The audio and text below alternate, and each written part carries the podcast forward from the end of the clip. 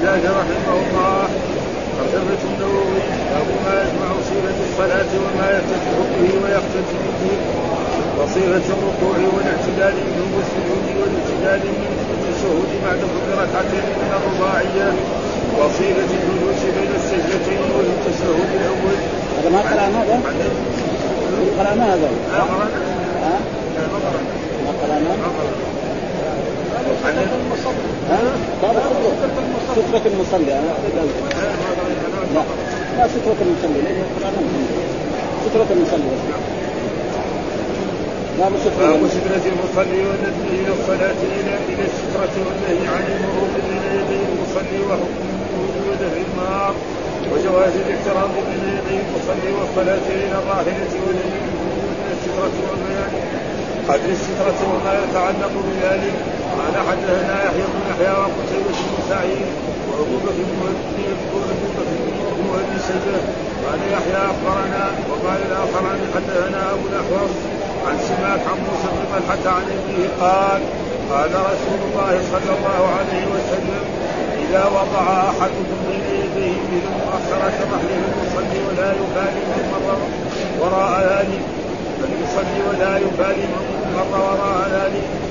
قال وحدثنا محمد بن عبد الله بن إسحاق بن إبراهيم قال إسحاق اخبرنا وقال ابن جبير حدثنا عمر عمر بن عبيد بن طلابسي عن سماك بن حرب عن موسى بن طلحة عن أبيه قال كنا نصلي والدواب تمر بين أيدينا.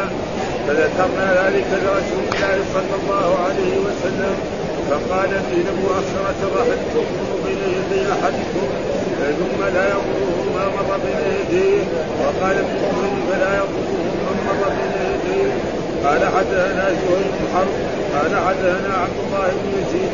قال أخبرنا سعيد بن أبي أيوب عن ابي الأسود عن عروة عن عائشة أنها قالت إلى رسول الله صلى الله عليه وسلم إلى رسول الله صلى الله عليه وسلم عن سترة المصلي فقال به مؤخرة الرحل قال حدثنا محمد بن عبد الله بن زبير قال حدثنا عبد الله بن يزيد قال أخبرنا حيوة عن أبي الاسود محمد بن عبد الرحمن عن عروة عن عائشة أن رسول الله صلى الله عليه وسلم سئل في غزوة تبوك عن سورة المصلي فقال كمؤخرة الرحل قال حدثنا محمد بن مثنى قال حدثنا عبد الله عبد الله بن زبير حدثنا ابن بن قال حدثنا أبي.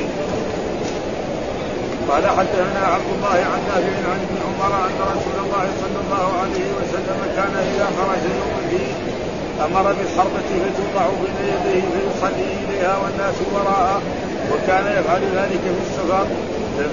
فمن ثم اتخذها الامراء قال قال وحدثنا أبو بكر بن شيبة وابن نمير قال حدثنا محمد بن مسلم قال حدثنا عبيد الله. عبيد الله عن نافع عن ابن عمر أن رسول أن النبي صلى الله عليه وسلم كان كان يغرز وقال أبو بكر يغرز يغرس العنزة ويصلي إليها. زاد ابن أبي شيبة قال عبيد الله وهي الحرب. قال حدثنا أحمد بن محمد قال حدثنا معتمد بن سليمان عن عبيد الله عن نافع عن عمر أن النبي صلى الله عليه وسلم كان يعلم راحلته وهو يصلي إليها. قال حدثنا أبو بكر بن شيبة قال حدثنا أبو خالد الأحمر عن عبيد الله عن نافع عن عمر أن النبي صلى الله عليه وسلم كان يصلي إلى راحلته وقال ابن النبي صلى الله عليه وسلم صلى إلى بعيد. قال حدثنا أبو بكر بن شيبة وزهير بن حرب جميعا عن وكيل. قال زهير حدثنا وكيل. قال حدثنا سفيان. قال حدثنا حول بن زحيفة. عن أبيه قال أتيت النبي صلى الله عليه وسلم في مكة. مكة وهو بالأبطح في قبة له حمراء من وجه قال فخرج بلال فخرج فخرج بلال بوضوء فمن نائم وناظر قال فخرج النبي صلى الله عليه وسلم عليه حجة حمراء كأني أنظر إلى بياض ساقيه قال فتوضأ وأذن بلال. قال فجعلت أتتبع فاه ها هنا وها هنا. يقول يمينا فاه فجعلت اتتبع فاه ها هنا وها هنا. يقول يمينا وشمالا. حي على الصلاة حي على الفلاح. قال ثم أخرجت له عنزة فتقدم فصلى الظهر ركعتين يمر بين يديه الحمار والكلب لا يمنع ثم صلى العصر ركعتين ثم لم يزل يصلي ركعتين حتى رجع إلى المدينة.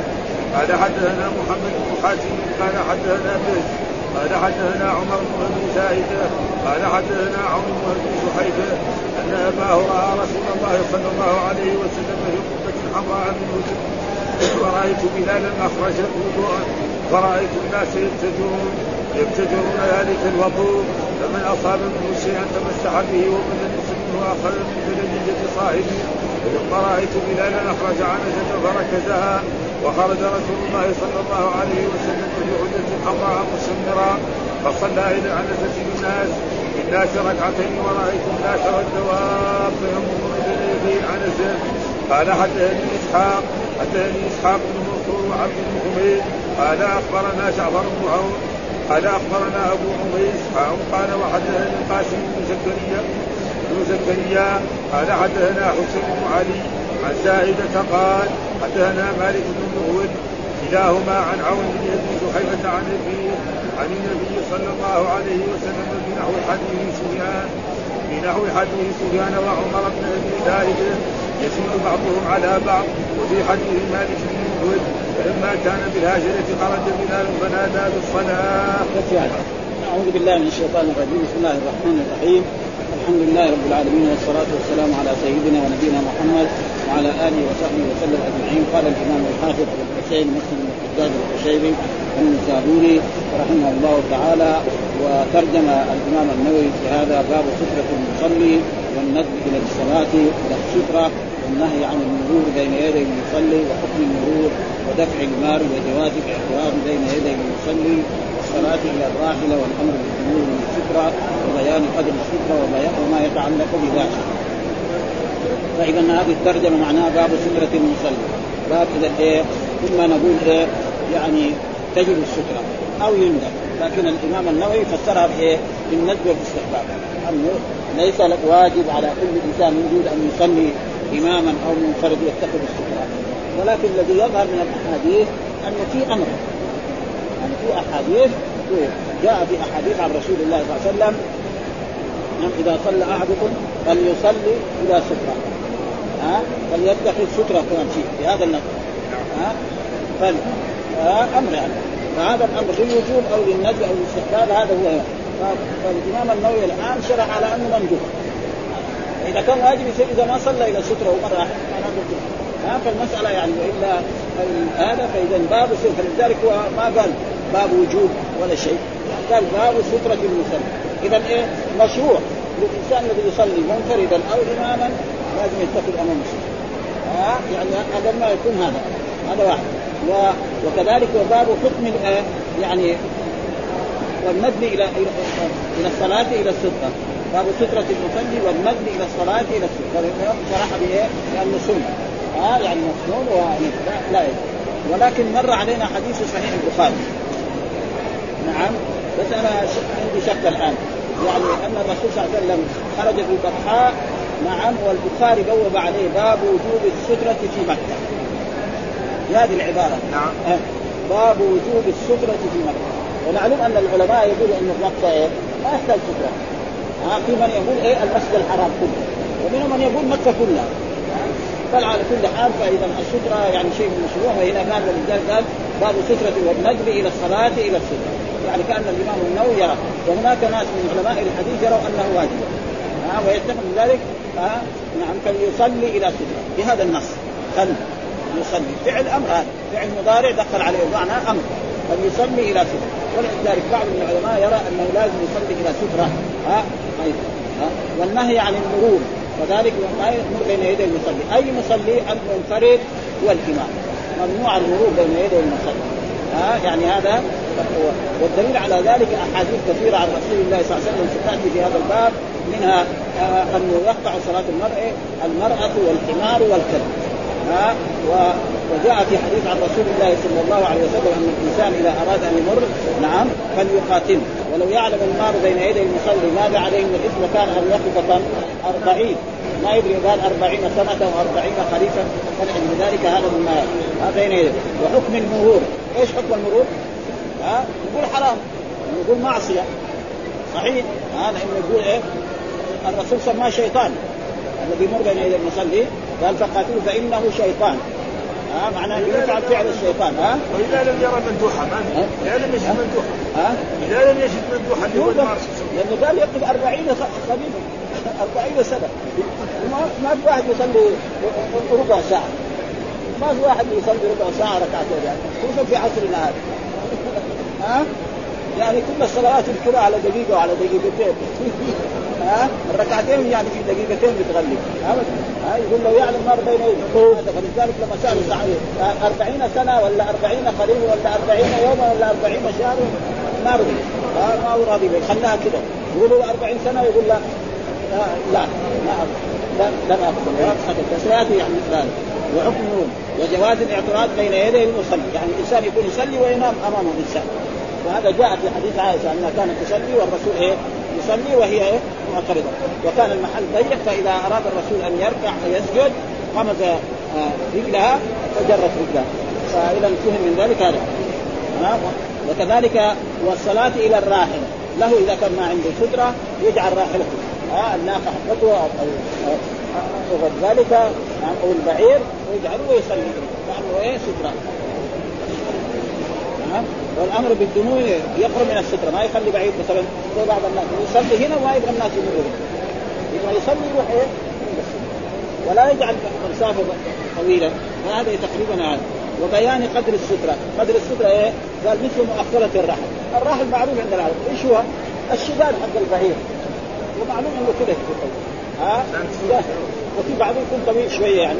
يعني كل شيء إيه؟ يعني ذراع فهذه أشياء يعني تقريبا كلها يعني ذكرها وسيبين وسيأتي بالأحاديث الواردة في هذا. باب سترة المصلي يأتي لها بالاحاديث والنجد إلى الصلاة إلى السترة والنهي عن المرور كذلك بين يدي المصلي وحكم المرور بين يدي المصلي. وجاء في الأحاديث لو يعلم النار بين يدي المصلي ماذا عليه من الاثم لكان أن يقف أربعين. بهذا النص. ها؟ ودفع المال.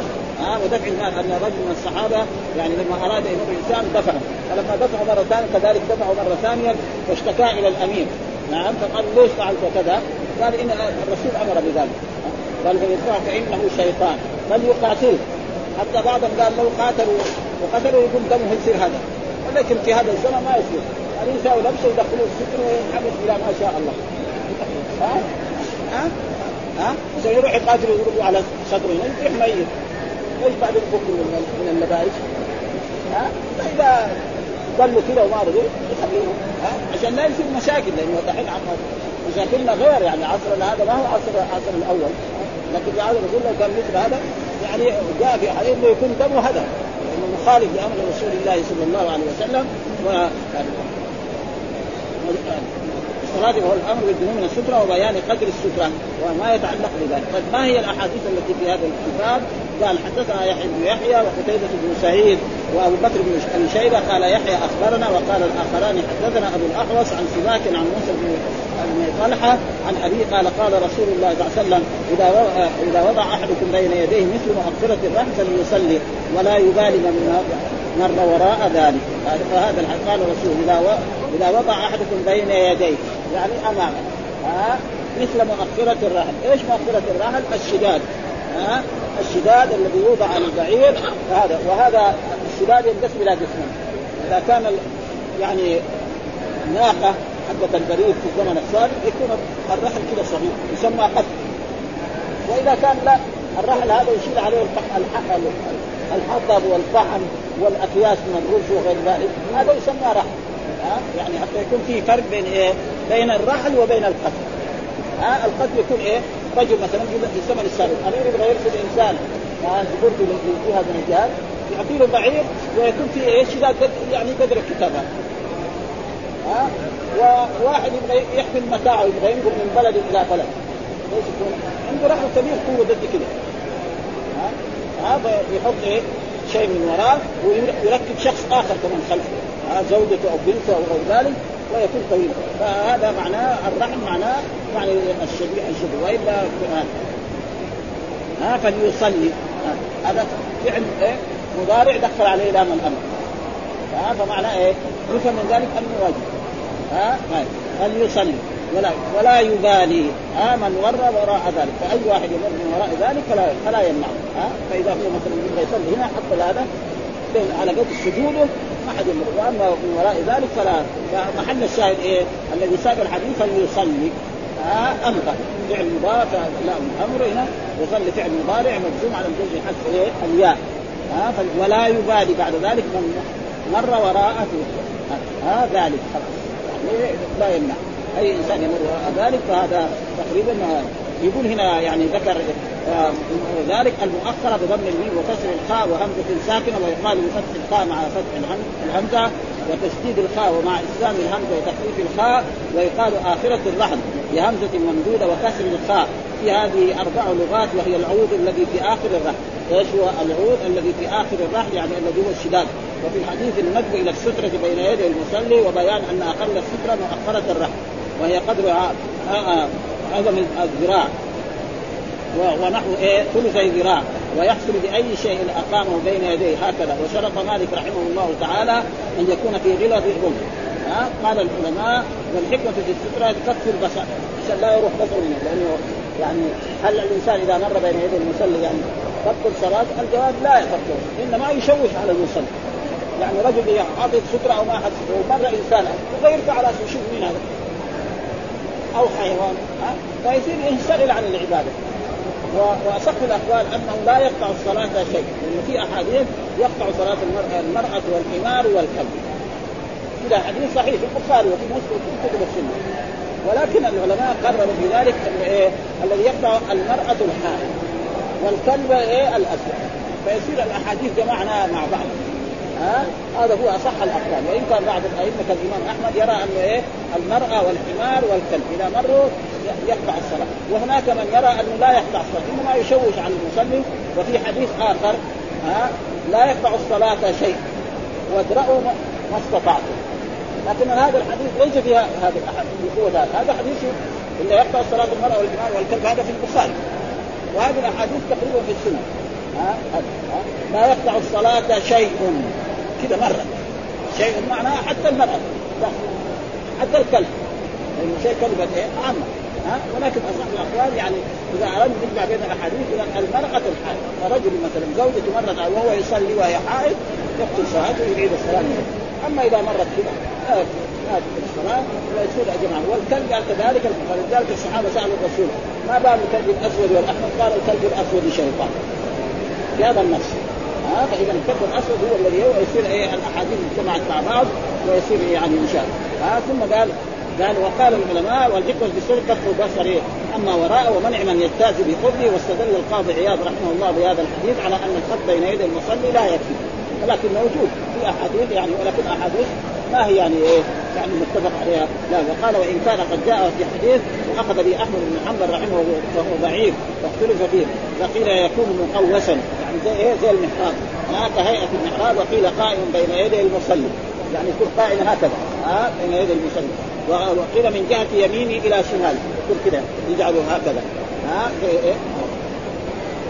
قال ولم يرى مالك رحمه الله تعالى ولا عامة الفقهاء الخط وعلى كل حال إذا وجد الحديث خلاص وهذا كلام القاضي وحديث الخط رواه أبو داود وفيه ضعف واضطراب وهذه مسائل يعني يؤخذ منها بعض الأحاديث واختلف قول الشافعي رحمه الله تعالى فيه فاستحبه في في سنن حرملة يعني كتاب له أو هذا وفي القديم ونفاه في البويطي ومن كتاب آخر وقال جمهور أصحابه باستحبابه وليس في حديث مؤخرة الراحل دليل على بطلان الخط والله أعلم. وقال أصحابنا ينبغي أن يدنو من الستره ولا يزيد ما بينهما على ثلاث أذرع فإن لم يجد عصا ونحوها جمع أحجارا أو ترابا أو كتابا. كتب زي هذا فيصلي إليه. هذا تقريبا يعني والاحاديث كلها بهذا المعنى. ثم قال حدثنا محمد بن عبد الله بن نمير وإسحاق بن إبراهيم. قال إسحاق أخبرنا وقال ابن نمير حدثنا عمرو بن عبيد الطنافسي. سماك بن حرب عن موسى بن طلحة عن أبيه. قال كنا نصلي والدواب تمر بين أيدينا. فذكرنا ذلك لرسول الله صلى الله عليه وسلم فقال مثل مؤخرة الرحل تكون بين يدي أحدكم ثم لا يضره ما مر بين يديه. يعني يقول الصحابة رضوان الله تعالى عليهم كنا نصلي والدواب. ويدخل في الدواب يعني الحمير والإبل وغير ذلك والشياه والبقر وغير ذلك. تمر بين أيدينا. فذكرنا ذلك يا رسول الله صلى الله عليه وسلم. فقال مثل محصلة الرحم إذا أراد الإنسان يصلي منفردا أو يعني اماما فليجعل مثل اقرة الرحل وهو إيه؟ يعني كناية عن خشبة في اقرة الرحل مثلها. ها؟ أو نص الرحل يضعه يعني جائز فكل من ذلك أن الإنسان إذا أراد أن يصلي وهو إماما أو منفرد وأما المأموم فلا سترة فسترة الامام سترة له. ها؟ ونحن نرى بعض الناس من العوام وبعض أنساق المتعلمين يكون إنسان يصلي خلف الإمام وإنسان يريد أن يمر يمنعه. وسيأتي حديث ساقه هنا في هذا الباب أن عبد الله بن عباس رضي الله تعالى عنه يعني كان الرسول في منى وكان راكب على حمار أتان يعني أنثى الحمار و ثم مر بين يديه الصف ثم ترك الحمار ترتع ومر بين يدي الصف فلم ينكر عليه أحد. في هذا النص. لم ينكر عليه. يعني ما أحد من الصحابة أنكر عليه. وفهم من ذلك أن المرور بين يدي المأمومين جائز. إنما الممنوع المرور بين يدي المنفرد والإمام. هذا لا يجوز. وأما الوعاء ونرى بعض الناس كذلك من طلبة العلم يقول لا ما يجوز. وهذا تقريبا الحديث هذا برضه متفق عليه. في البخاري وفي مسلم. جائز. ها؟ الذي يفهم أن المرور بين يدي المأمومين جائز. فانسان دخل ومر بين يدي المأموم وهم يصلوا خلف الإمام ليس له أن يمنعه. فلا يضره. ها من مر بين يديه. الحديث الثاني حدثنا زهير بن حرب حدثنا عبد الله بن يزيد قال أخبرنا سعيد بن أيوب عن أبي الأسود عن عروة عن عائشة أن رسول الله صلى الله عنها قال سئل رسول الله صلى الله عليه وسلم عن ستره المصلي. سئل الرسول عن ستره المصلي فقال مثل مؤخرة الرحل.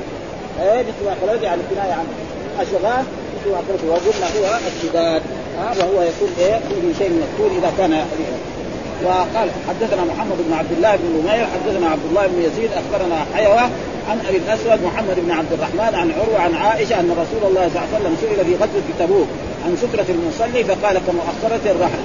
في غزوة يعني معناه هذا متأخر لأن غزوة تبوك كانت في السنة التاسعة من هجرته صلى الله عليه وسلم وبعد ذلك الرسول ما عاش إلا العام العاشر وفي العام الحادي عشر انتقل إلى الرفيق الأعلى فبقي يعني لم إذا لم نقول واجب فنقول إيه سنة أو مندوب أو مشروع. ان الإنسان إذا أراد أن يصلي يتخذ إيه سترة. وأما الأحاديث فتقول قال فليصلي إلى سترة. في هذا النص. ها؟ فليصلي. والأمر أصل كل أمر من الله من الله ومن الرسول للوجوب حتى يأتي دليل يصرفه من الوجوب إلى الاستحباب. وهذا موجود. ها؟ يعني يوجد مرات يعني في أحاديث. يظهر لنا من من النصوص أنها ما هي واجبة. ومن ذلك في الحديث الصحيح صلوا قبل المغرب صلوا قبل المغرب. ثم قال الرسول لمن شاء صلوا هذا إيه؟ فعل أمر. ما هو واجب إذا أذن المؤذن نقول نصلي فإذا يبغى إنسان يصلي ما يبغى يصلي ما نقول له قم صلي وكذلك موجود يعني إذا قضيت الصلاة فانتشروا في الأرض. انتشروا فعل أمر هذا. يعني لازم إذا صلينا نروح نخرج من المسجد. ما هو. يبغى يروح بيته يتغدى يروح ينام يروح يفتح دكان ويبيع ويشتري يتفضل مباح. ها؟ ولذلك ليس كل أمر وجوب وليس كل نهي. كذلك ليس إيه؟ كل نهي كذلك إيه؟ يعني حرام. مثلا من هذا الحديث إذا دخل أحدكم المسجد فلا يجلس حتى يصلي ركعة. لا يجلس هذا نهي. قال لو واحد دخل المسجد وجلس هذا حرام ما نقول نعم نقول فعلت مكروه يعني. هذا انه لو قلنا حرام يصير إيه؟ بعدين تحية المسجد واجبة. هذا ما يصير. ها؟ يصير تحية المسجد بعدين واجبة. والله يقول إيه؟ خمس صلوات كتبهن الله وجل فلذلك وفي رسالة في هذا الموضوع يعني رسالة للإمام الشافعي رحمه الله يسمى الرسالة. مرة كتاب مرة طيبة خصوصا الآن طلع طبعات ما شاء الله طيبة يعني يذكر هذه الأشياء ويبحثها بحثا وكان مر علينا كذلك في صحيح البخاري. أشياء مثل ذلك فلذلك ليس كل أمر للوجوب وليس كل نهي يعني حرام. ها؟ أبدا ها؟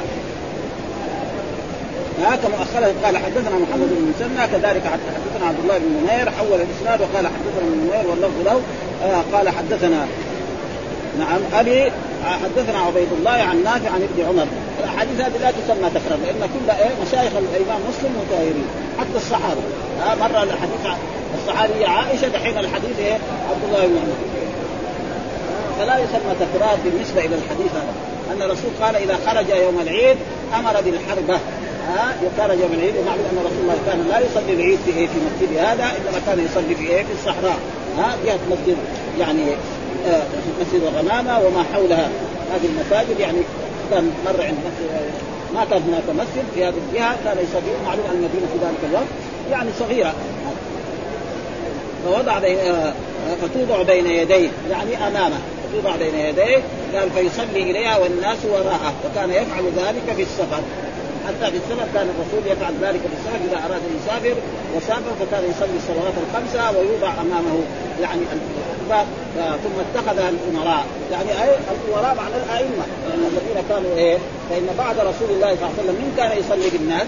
كان يصلي أبو بكر الصديق رضي الله تعالى هو الامام ثم بعد ذلك عمر ثم بعد ذلك عثمان ثم بعد ذلك علي ثم بعد ذلك انشغل الأمراء والحكام بأشغال ثانية فجعلوا أئمة يقوموا مقام هذا ها فالمراد به اتخذ الأمراء معنى إيه؟ الأمراء الذين كانوا يصلون بالناس كأبي بكر الصديق وعمر بن الخطاب وعثمان بن عفان وعلي بن أبي طالب رضي الله تعالى عنهم جميعا. ثم قال حدثنا أبو بكر بن أبي شيبة وابن نمير قال حدثنا محمد بن بشر حدثنا عبيد الله عن نافع أن النبي كان يركز وقال أبو بكر يغرز هو يركز ويغرز كل واحد يغرز معناه يحطها كذا أمامه والمعنى كل واحد. ها ويصلي إليها. زال ابن أبي شيبة وقال عبيد الله وهي الحربة. ها يعني مثل إيه؟ فهذا دليل على أن؟ يعني يتخذ يلزم الإمام الإمام والمنفرد أن يتخذ السترة. وهل يعني إذا ما كان أحد يمر بين يديه؟ لا يلزم. مثلا في بيته يصلي. ما في أحد يمر بين يديه. ولو اتخذها يمكن لأنه أمر. في أمر. هذا الأمر إما للوجوب وإما للندب والاستحباب ها ثم قال حدثنا أحمد بن محمد حدثنا معتمر بن سليمان عن عبيد الله عن نافع عن ابن عمر أن النبي صلى الله عليه وسلم كان يعرض راحلته وهو يصلي إليها يعني يجعلها هكذا وهو يصلي في هذا الجهة. وهذا في دليل على أن الإنسان كونه يصلي إلى الراحلة ليس في شيء لكن نهى الرسول أن يصلي الإنسان في مرابط إيه؟ الإبل. ها نهى. جاء في أحاديث عن رسول الله صلى الله عليه وسلم صلوا في مرابط الغنم. مرابط الغنم معناه محل اللي إيه؟ تأكل فيه وتروس فيه. ها قال صلوا فيه. وقال أما الإبل فلا تصلوا فيها. ليه؟ لأن الإبل خلقت من الشيطان وقد بينما الإنسان يصلي تركشه ناقة نعم أو بعير فيموت. فالناقه إذا رفست الإنسان في وجهه يمكن يصير اعمى أما الشاة إذا رفسته ولا ثم الذين يربون الغنم يعني الذين عندهم اشياء يربون الغنم، الغنم هذه والعنز هذا كأنهم اولاده. تجد عنده إيه؟ حنان لهم وعطف عليهم، ولأجل ذلك الأنبياء كلهم ما حد منهم صار نبي إلا بعد ما رعى الغنم. ليه؟ لأن الغنم فيها إيه؟ اولا ضعاف وصغار و... وتكلف الإنسان ما لا يكلفه، مثلا رجل راعي الغنم وعند غروب يرجع للبلد عند غروب الشمس ولدت شاة إيش يساوي؟ يقعد معاها حتى يولدها ثم بعد ذلك ولدها ما يقدر إيه؟ يمشي يحطه على كتفه حتى يوصل البلد بعد ساعة ولا بعد ساعتين. ها؟ ومرات يمكن تلد اثنين ثلاثة كمان. واحد عنده خمسين خمسين راس من الغنم يرعاه مرة يمكن أربعة منهم يلدوا في إيه؟ قبل المغرب. يشيلهم كلهم على كتفه هذا حتى يوصلوا ساعة كمان ولا نص ساعة. ولكن الناقة لو ولدت يحط يحط الولد الصغير ده على الناقة. تمشي ويربط بحق كذا يمكن هذا فلعند ذلك يعني وهذا شيء مشاهد يعني ولذلك الرسول قال صلوا في مرابض الغنم ونهى عن الصلاة في مرابض الإبل لأن مرابض الإبل هذا فيها خطورة وانه خلقت من الشيطان وقد ترفس إنسانا منهم. نعم فيكون هلاك يعني. فلذلك يعني رخص الرسول في هذا. كان يصلي إلى راحلته قال النبي كان صلى إلى إلى بعير صلى. ها يعني البعير أمامه وقال حدثنا أبو بكر بن أبي شيبة وزهير بن حرب جميعا عن وكيع. قال زهير حدثنا وكيع قال حدثنا سفيان قال حدثنا عوض أبي جحيفه عن أبي قال أتيت النبي صلى الله عليه وسلم بمكة وهو بالأقطع. ها وهو الذي سمى الأقطع وسمى آه يعني آه الأقطع ويسمى له يعني عدة أسماء. وهو بالاقطع في في قبه والمراد بالقبه معناه خيمه ليس معنى القبه المعروفه الآن. ها؟ قبه الخضراء ولا غيرها. قبه معناه خيمه هذا معناه في عرف العرب. ها؟ معنى القبه يعني خيمه له حمراء. ها؟ من آدم يعني من إيه؟ من من جلد إيش الأذن؟ من جلد هذا معنى الأذن في إيه؟ في اللغة العربية. قال فخرج بلال. ها؟ الذي هو مؤذن رسول الله صلى الله عليه وسلم الصحابي الجليل. بوضوئه، الوضوء معنى الماء الذي يتوضأ به، الماء الذي في الإبريق الذي إيه؟ يغسل يديه ويتمضمض ويستنشق يسمى وضوء. وضوء الفعل. غسل اليدين والمضمضة والاستنشاق إلى آخره هذا يسمى وضوء بضم الواو. وضوء نفس الماء الذي يتوضأ عشان نعرف زي كذلك موجود في الصيام سحور وسحور سحور الطعام الذي يأكل. الخبز والشربة والتمر هذا يسمى سحور. سحور نفس الفعل. ها نفس لما يأكل نعم في فمه هذا يسمى سحور. يقول فلان يعني ولذلك أمر الرسول إيه؟ تسحروا فإن في السحور بركه فإن في السحور يمكن. وإن في السحور كل سحر. فقال فمن نائب وناضح يعني كان الصحابة يتبركون بآثار رسول الله صلى الله عليه وسلم. يعني كان الرسول لما توضأ وبقي شيء في الابريق بعض الصحابة يأخذ ويمسح يدينه ويمسح رأسه ويمسح وجهه. الثاني ما حصل حصل صاحبه حصل شوية يأخذ من صاحبه ويتمسح. وهذا كان الصحابة يفعلوا ذلك ما يفعلوا دائما يفعلوه في إيه في المواضع فعلوه مثلا في إيه في صلح الحديبية. فإن في صلح الحديبية الرسول صلوات الله وسلامه عليه لما خرج إلى مكة يريد أن يعتمر في عام ستة وصدته قريش عن ذلك وثم قريش أرسلوا يعني رجل من كبار من كبار قريش وهو سهيل سهيل فالرسول يعني استبشر قال سهل امركم ثم فلما جاء سهيل كان الرسول إذا تنخم نخامه يبغى يرميها في التراب مثلا قالوا بلغم يبغى يرميه في في الأرض واحد من الصحابة يأخذه ويمسح وجهه ويمسح ساقين. تعجب يعني النخام درس حتى الملك دحين إذا في عصر النهار تنخم ما حد يدري. واحد كلاش يمكن ها يبغى يضحك عليه عشان يحسبه مبلغ ولا وظيفة يمكن يساويها عندي فلاشه أما درس. حد. أبوه أمه كله درس. ما ها فكان تعجب هذا. إيش إيه محمد ده شكله ده, هذا ما هو زي كسرى ولا هو زي ولا ها؟ وهم عشان يوروا إيه؟ يوروا قريش انكم يا قريش أنكم لا تصلوا إلى محمد حتى هؤلاء الجماعة كلهم يموتون ها؟ وكانوا 1400 يعني ما يمكن تصلوا إلى محمد بسوء حتى هؤلاء ال 1400 كلهم يسيروا في الأرض ميتين بعد ذلك تصلوا إلى محمد ها؟ فصاروا وإذا توضأ يأخذ إيه؟ تدريب مو دائما. وهذا في دليل على إيه؟ يعني التبرك بآثار الرسول صلى الله عليه وسلم. الإمام النووي قال التبرك بآثار الصالحين. يعني على كل حال على قد ما نحن قرأنا في الأحاديث ما رأينا شخص يتبرك مثلا بأبي بكر. لو حصلنا إنه بعض الصحابة يتبرك بأبي بكر كان كذلك نحن عندنا واحد صالح شيخ كبير أو عالم تمام يتبرك.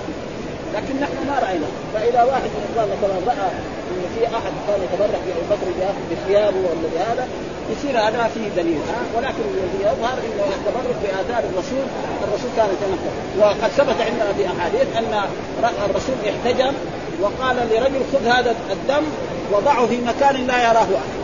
الصحابي راح شربوا قال له فين؟ قال أنا شربت. قال إذا لا تمسك النار. صار إيه؟ مكسب دحين. ها؟ صار مكسب يعني هذا. إذا مات النار خلاص هذا مكسب. وثبت في أحاديث أن أن جارية يعني شربت بول رسول الله صلى الله عليه وسلم. والرسول ما أنكر عليه. فاذا فضلات الرسول طاهره فضلات الناس كلهم. نجسه غائط الناس وبول الناس كلهم. أميرهم وصعلوكهم نجس فلذلك فلذلك يعني قال ثم بعد ذلك خرج عليه حلة، إيش الحلة؟ إزار ورده هذا معناه في العرف العربي ها؟ يعني زي هذه الثياب ما تسمى هذا يسمى قميص في اللغة العربية. ها؟ هذه الثياب اللي نلبسها نحن تسمى قميص لكن إذا قال العربي حلة معناه إزار ورداء. زي اللي يلبس في الإيه؟ في الإحرام في الحج والعمرة. هذا هو الحلة في اللغة في العرف العربي قميص معناه جبة هذا تقريبا يعني. ها؟ قال حله وحمراء كأني أمر. وهذا في دليل على أنه يجوز للإنسان أن يلبس ثوبا أحمر. ها؟ إنما الشيء الممنوع يمكن الأصفر. ها؟ كأني أنظر إلى بياض ساقه يعني كان رافع. يعني كان إلى ساقيه ولذلك كذلك إخواننا طلبة العلم المشددين في هذا الزمان يبغوا كلهم يصيروا إيه؟ لازم ثياب الناس إلى هنا. وأن أي طالب علم ما يساوي كذا يعني ما يكون طيب. وهذا كذلك غلط من هؤلاء اخواننا الطلبة يعني غلطانين. ليه؟ لأن الرسول رخص أن يكون الإنسان إلى إيه؟ إلى الكعبين خلاص. ها؟ إلى الكعبة. لا يزيد عن الكعبين هذا ممنوع وأما هذا فلا يلزم من ذلك أنه إيه أنه لازم ننزل الناس أن يكونوا كذلك. فهذا يعني غلط منهم ابدا. هذا فتوضا وأذن بلال. توضأ الرسول من هذا الوضوء. قال الصحابي هذا فجعلت أتبع فاه ها هنا وها هنا. يعني إيه يعني بلال لما يقول حي على الصلاة كذا يسرع يعني ما وجهه بس. ها ولكن يدين وهذا كذا كله بس وقت الصلاه يقول حي على الصلاة يلتفت إلى إيه؟ إلى الجميع. مع حي على الصلاة. ها؟ فهو ها هنا وها هنا. ها؟ يقول إيه؟ حي على الصلاة حي على الفلاح وحي معناه أقبلوا. ها؟ على الصلاة. اسم فعل أمر يسمى في اللغة العربية. ها؟ اسم فعل أمر. ها؟ زي آمين. ها؟ وزي نهج وزي يعني نزالي وغير ذلك. ها؟ قال ثم ركزت له عنزة. إيش العنزة؟ عصا غليظة في تحتها كده. حديدا عشان إيه؟ بس هذا معنى فصلى الظهر ركعتين. معناه مسافر الرسول. متى يصلي الظهر ركعتين؟ عندما يكون إيه؟ الشخص المسلم مسافر. وجاء في أحاديث عن رسول الله صلى الله عليه وسلم أن الصلاة أول ما فرضت ركعتين. يعني الرسول لما فرض عليه الصلاة في مكة كان يصلي الظهر ركعتين والعصر ركعتين والمغرب كمان يمكن ركعتين كان هذا والعشاء ركعتين والفجر ركعتين. ثم بعد ذلك في زيد في صلاة الحضر وتركت السفر كما هي ولكن نرى بعض الناس من من طلبة العلم ومن المشايخ حتى في السفر يصلوا أربعة. وهذا غلط منه. لأنه لم يثبت أن رسول الله صلى في السفر يعني أربعة. ما الرسول حج واعتمر وخرج للجهاد مرات ما ثبت أنه صلى الرباعية ركع أربعة. ورأيت أنا يعني بعض الناس يفعل ذلك وهؤلاء غلطانون جدا يمكن صلاتهم باطلة كثير لأنه يقول فرضت صلاة السفر ركعتين ها ثم الصلاه ركعتين ثم زيد فيها. فلذلك يجب على ها إلا إذا نوى الإنسان يقيم إيه؟ أربع أيام. مثلا جاء من جدة ويقعد في المدينة أربع أيام فيصلي يتم نعم. والذي ثبت علينا ومر علينا أن الرسول لما حج حجة الوداع من يوم 25 ذي القعدة إلى أن عاد إلى المدينة يعني بعد العشرين وكان يصلي ركعتين. لأن الرسول ما مكث في مكة إلا عشر أيام. وصل يوم ثلاثة وخرج إيه؟ أربعة عشر. عشر أيام في مكة. يعني بين منى وبين عرفة وبين مكة يعني يوم أربعة إلى يوم 13 كم يصير؟ عشر أيام.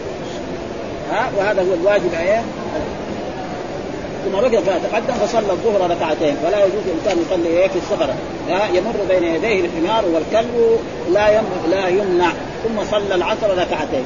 وكان يمكن جمع وكذلك من الأشياء التي بعض الحجاج يجمعون بين الظهر والعصر في منى. هذا غلط. نعم الحجاج في منى يوم ثمانية ويوم عشرة ويوم 11 ويوم 12 ويوم 13 يصلوا كل صلاة ركعتين ويجمع فين؟ في المزدلفة بين المغرب والعشاء وفي عرفة بين الظهر والعصر. هذا السنة. ها؟ وكان كثير ناس يعني في الزمن السابق كنا نرى كثير من الناس يجمعوا يعني قبل 20 30 سنة الآن على كل حال الناس تفكهوا ها الحمد لله طلبة العلم كثروا في المملكة العربية السعودية وأصبح الناس متميزون أكثر مما كانوا خصوصا يعني في السنة ولذلك الآن يعني حل أن تجد ناس يعني يجمعوا بين الظهر والعصر في منى أو في في مزدلفه في شو اسمه في أيام منى. ما في ها؟ ما في ما بنرى إن كنا أنا لي سنوات يعني ما ما رحت الحج يعني ها؟ ثم يصلي ركعتين ثم حتى رجع المدينة ثم حتى رجع المدينة. يعني ما ثبت أن الرسول كان يتمم الصلاة في السفر ابدا. وهناك يعني بعدين سيأتي يمكن أحاديث عن هذا الموضوع أن أن عثمان كان إيه؟ يتمم الصلاة وعلى كل حال عثمان يعني كان له تأويل وتأويله أنه هو كان من أهل مكة. وأول ذلك أنه إيه تزوج في مكة وأصبح من أهل مكة. حدثنا محمد بن حاتم حدثنا باز حدثنا عمرو بن زائده حدثنا عون بن جحيفة أن أباه رأى رسول الله صلى الله عليه وسلم في خطبة حمراء من اذن يعني قلنا إيوه ورأيت بلالا أخرج وضوءه فرأيت الناس يبتدرون ذلك الوضوء. ها؟ فمن فمن أصاب منه شيئا تمسح به ومن لم يصب منه شيئا أخذ من بلد من بلد يد صاحبه. ثم رأيت بلالا أخرج عنزة فركزها وخرج رسول الله في حلة حمراء مشمرا فصلى إلى العنزة في الناس ركعتين ورأيت الناس والدواب يمضون بين يديه. فهذا قول من ذلك ان أن السترة تجب إيه؟ على المصلي المنفرد وعلى الإمام. وأن التبرك بآثار رسول الله صلى الله عليه وسلم جائز. ها وكان الصحابة يفعلون ذلك وليس في ذلك ولكن لم يثبت عندنا ان أن الصحابة كانوا يتبركون بآثار أبي بكر أو عمر أو عثمان. فإذا وجد واحد ذلك وجه صحيح فليرشدنا إلى ذلك حتى لأنه يقول التبرك بالصالحين. فلذلك الناس يتبرك بالصالحين الآن يعني يكادوا يعبدون. حتى أن بعض المشايخ يعني من كتب هذا تقول لما تسلم عليه يقول يرفع لك يده إلى إيه؟ إلى فمك عشان تقبلها مشايخ تعبانين هذول. يعني فإذا قبل في بعض المناسبات مثلا في عيد أو في قدوم من سفر هذا الرسول قبل يمكن بعد التفتيش يمكن أربع مرات أو خمس مرات.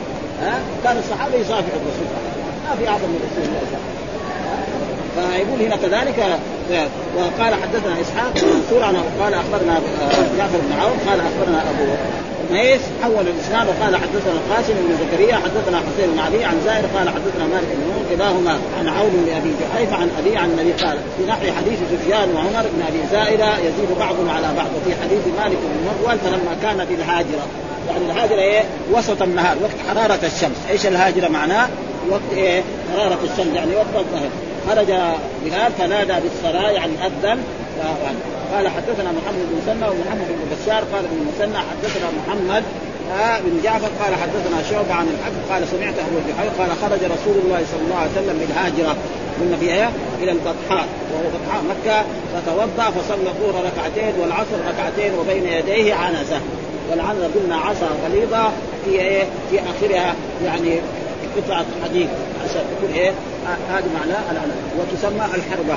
ها قال شعبة وزاد في عون عن أبي عن قال كلاهما وكان يمر بين من ورائها المرأة والحمار. ها وهذا من ورائها ما في شيء. وحدثنا زهير بن حرب ومحمد بن حاتم قال حدثنا ابن مهدي قال حدثنا شعبة بالإسنادين. جميعا مثل وزاد في حديثه الحكم فجعل الناس يأخذون من فضل وضوءه وهذا مثل الأحاديث. حدثنا يحيى بن يحيى قال قرأت على مالك عن ابن شهاب عن عبيد الله بن عبد الله عن ابن عباس قال أقبلت راكبا. عبد الله أقبلت راكبا على أتان. إيش الأتان؟ أنثى الحمار. ها تسمى أتان. أتان معناه فإذا كان يعني ذكر يقال حمار. واذا كانت أنثى يسمى أتان. وأنا يومئذ قد ناهزت الاحتلام يعني كان عمره كان 13 سنة ما بلغ لأن الإنسان لا يبلغ في أقل من 15 خصوصا الذكر أما المرأة فيمكن تبلغ وهي تسع سنوات خصوصا في بعض البلاد. ها والبلاد الحارة يكون البلوغ أسرع من البلاد الباردة. ولذلك بعض الكتب يرى أنه 15 سنة. ها والرسول كان يرى هكذا لأن مثلا الحجاز والمدينة وتسمى بلاد حر فالرسول رخص لعبد الله بن عمر في في بدر ما رخص له يكون الرجال وفي في أحد رخص له أن يخرج المجاز لأنه بلغ 15 سنه والبلوغ هذا هو معلوم أن عبد الله بن عباس كان عمره 13 سنة يعني ما بلغ إيه ها؟ ورسول الله صلى الله عليه وسلم يصلي بالناس بمنى فمررت بين يدي الصف. يعني بإيه؟ يمكن بنفسه أو بالحمار نفسه ها؟ ها فنزلت وأرسلت الاتان ترتع ترتع تأكل من إيه؟ من الحشيش الذي إيه؟ موجود في منى. نعم. ودخلت في الصف وصليت مع الناس. قال فلم ينكر ذلك علي أحد. يعني ما أحد أنكر علي من الصحابة. يعني يمكن أبو بكر راه أو عمر أو عثمان وكذلك الرسول. ها لأن الرسول ذاك الوقت وقت الوحي. فإذا كان في شيء يقول يجي له وحي. لانك إيه؟ بلغ عبد الله بن عمر بن عباس هذا غلط منه عشان ينتهي. فيكون من ذلك أن المرور بين المأمومين جائز. لا يجوز للانسان يمنع المأمون يعني مأمون يمنع إنسان أن يمر بين يديه. قال كذلك حدثنا حرملة بن يحيى أخبرنا ابن وهب أخبرني عبيد الله بن عبد الله أن عبد الله بن عباس أخبره انه أقبل يسير على حمار ورسول الله صلى الله عليه وسلم قائم يصلي بنا في حجة الوداع يصلي بالناس. قال فسار الحمار بين يدي بعض الصف هنا صرح أن الحمار هو الذي سار بين يديه. مع انه هناك كان يقطع الصلاه ها لكن إيه؟ ثم نزل عنه فصف مع الناس. ثم قال كذلك آه، حدثنا يحيى بن يحيى وعمر بن الناقد وإسحاق بن إبراهيم عن ابن عيينة عن الزهري بهذا الإسناد. قال النبي صلى الله عليه وسلم وهو يصلي بعرفة. ها يصلي بعرفة. النبي صلى الله عليه وسلم النبي صلى الله عليه وسلم يصلي بعرفة. يعني مثل الحديث لكن هذا كان في منى وهذا يقول إيه بإفادة وحدثنا إسحاق بن إبراهيم وعبد بن حميد. قال أخبرنا عبد الرزاق قال أخبرنا معه في هذا الإسناد ولم يذكر فيه منى ولا عرفة. يعني في إيه؟ ما وقال في حجة الوداع أو يوم الفجر. والصحيح أنه في إيه؟ في حجة الوداع. نعم والايه وليدرأه ما استطاع فإن أبى فليقاتل. فليقاتل أمر هذا ها في المضارع دخل. فليقاتل. إيش معناه يقاتل؟ يدفع. ها يدفع. دليل. ها وليس معناه يقاتل يضرب بالسلاح. ها فإنما هو شيطان. هذا إنه بيفعل فعل الشيطان. عشان يشوش على المصلي ولذلك هنا يعني ذكر في هذا الآية قال وأجمعوا على أنه لا يلزم مقاتلته بالسلاح ولا ما يؤدي إلى هلاكه فإن دفعوا بما يجوز فهلك من ذلك فلا قود عليه باتفاق العلماء. وهل يجب ديته أن يكون هدرا فيه مذهبان للعلماء. يعني دف دفه وطاح مات هل يجب عليه الدية الجواب بعضهم يقول ما في لأنه هو مخالف لأمر الرسول. قال له لا تموت وهو مر. فلذلك يكون إيه؟ دمه هدر وعلى كل حال المسألة يعني و... و... ثم ذكر هذا ذكر هذا الحديث برضو. حدثنا شيبان قال بينما أنا وصاحب لي نتذاكر حديثا إذ قال لي أبو صالح آه، أنا احدث أحدثكم ما سمعت من أبي سعيد. ها ورأيت منه. قال بينما أنا مع أبي سعيد يصلي يوم الجمعة إلى شيء يستره من الناس إذ جاء رجل شاب من بني أبي معاذ يعني من إيه؟ من الناس العظم والكبار وأراد أن يجتاز بين يديه. فدفع في نحري. دفعه كذا عشان لا يمر. فنظر إليه فلم يجد مساغا إلا هذا. إلا مساغ إلا هذا بين يدي أبي سعيد. فعاد فدفعه في نحره أشد من الدفعة الأولى. ف...